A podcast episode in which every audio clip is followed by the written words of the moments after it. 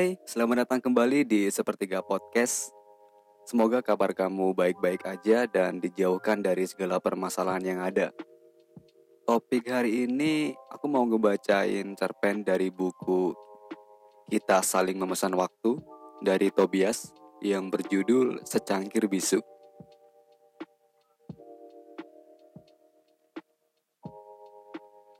Secangkir bisu ini ada di bab 3 di mana kamu bisa bacanya di aplikasi Wattpad. Kamu ketik aja langsung kita saling memesan waktu dan selamat menikmati. Saat itu aku satu meja menikmati secangkir kopi dengan temanku yang tak bersuara.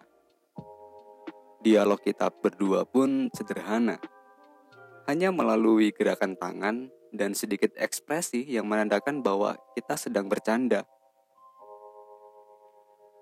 Tak muluk-muluk saling bercerita tentang sepenggal kisah, karena aku sendiri juga belum paham betul bagaimana cara berbicara dengan dia menggunakan kalimat-kalimat yang sopan saat berdialog dengan kedua tangan.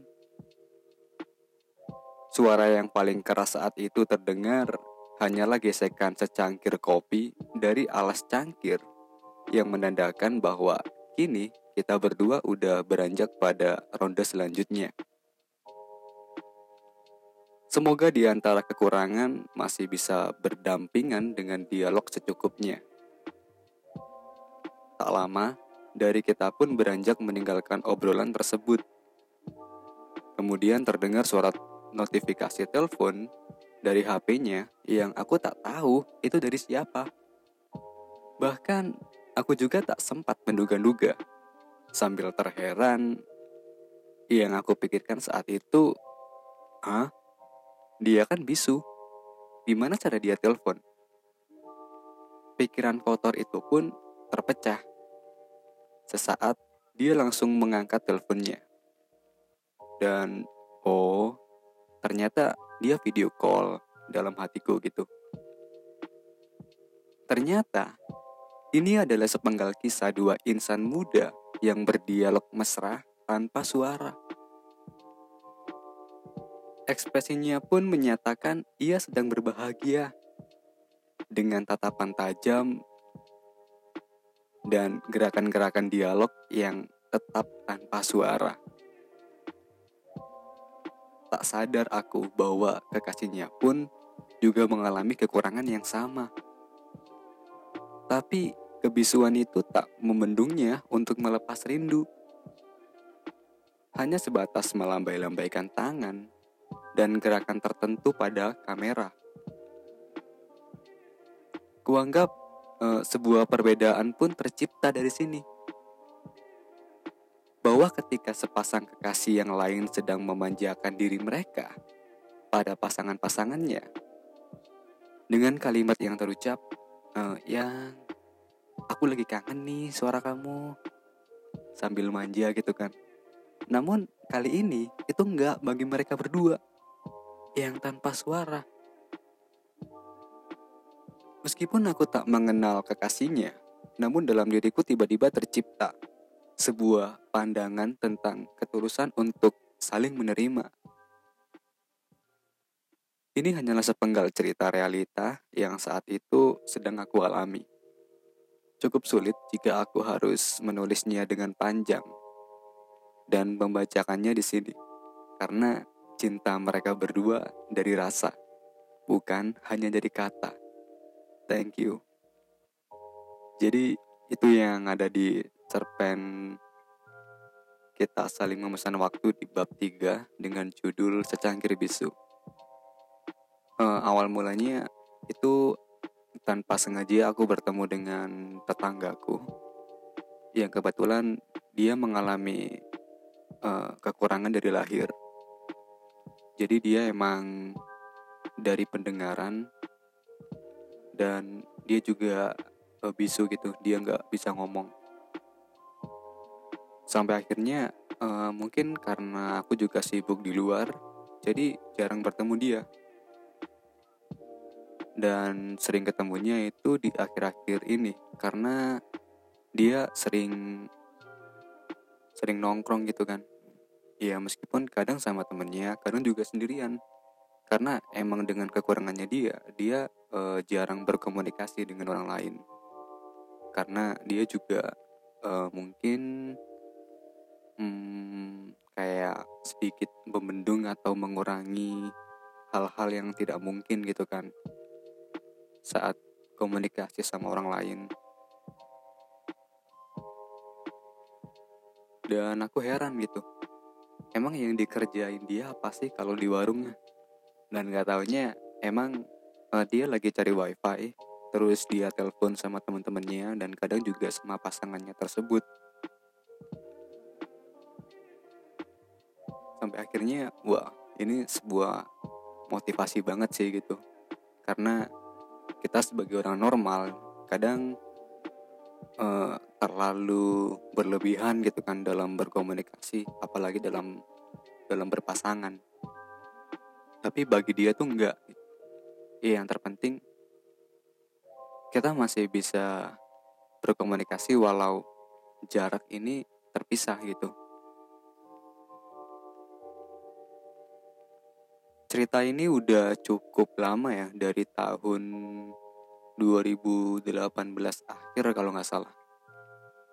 Dan kalau kamu mau tahu di tahun 2019 itu dia dia akhirnya ini dia akhirnya menikah dan dia udah punya satu anak. Wah, alhamdulillah banget ya. Cukup senang gitu. Tapi dari jarak sekian bulan, ada kabar yang mengecewakan. Terdengar kabar bahwa dia udah cerai sama ini, sama istrinya. Yang aku tulis di secangkir bisu ini. Sampai akhirnya aku ketemu sama dia lagi di warung. Dan akhirnya aku tanya gitu kan. Dengan bahasa yang semrawut lah. Apalagi aku juga kayak belum belum pro banget nih. Jadi kayak masih masih awam banget lah. Dan apa yang aku nggak bisa ucapin lewat gerakan tangan mungkin aku tulis terus dia yang baca terus dia jawab. Dan sama kadang dia pun kalau waktu ngejawab dia bingung dia bingung ngebalas ngebalas komunikasiku tadi dia tuh juga ini nulis lewat pesan terus ditunjukin ke aku. Dan gak lama dia pun cerita gitu. Dia nulis sampai akhirnya dia bilang kalau uh, istrinya ini itu suka banget sama ini suka suka dandan. Dan sampai akhirnya karena dia mempunyai kekurangan dia juga sulit untuk mendapatkan pekerjaan. Sampai akhirnya uh, mereka berdua berpisah. Mereka berdua berpisah dan hak asuhnya ikut si perempuan tadi, mantan istrinya. Jadi dari situ kayak mulai timbul gitu, anjay gitu. Emang keras sih hidup ini. Apalagi kalau punya kekurangan gitu kan. Jadi dari aku sendiri lebih kayak lebih lebih bersyukur aja lah gitu karena bener-bener masih banyak banget yang kekurangan. Gak lama jarak sebulan dua bulan dia nongol lagi pakai seragam seragam kemeja gitu kan. Warna hitam sama hijau. Nah aku tanya lah dia eh dari mana? gitu kan. Terus dia ngebales pakai pakai apa gerakan tangan gitu yang menandakan bahwa dia dari kerja yang lokasinya juga cukup jauh. Terus dia sekarang mampir ke warung buat ngopi sama nyari wifi bentar. Berasa kayak alhamdulillah gitu kan. Dari karena dia mus apa? Dari dia kena musibah sekarang udah berpenghasilan gitu. Jarak satu minggu ketemu lagi nih di warung. Kok kayak suntuk gitu dia kan. Terus mau dia mau cerita juga mungkin kayak uh, takut gitu kan. Terus bingung antara aku mau menerima curhatan dia atau enggak. Sampai akhirnya dia bilang gitu pakai gerakan tangan tanda silang gitu yang bilang dia udah nggak kerja lagi.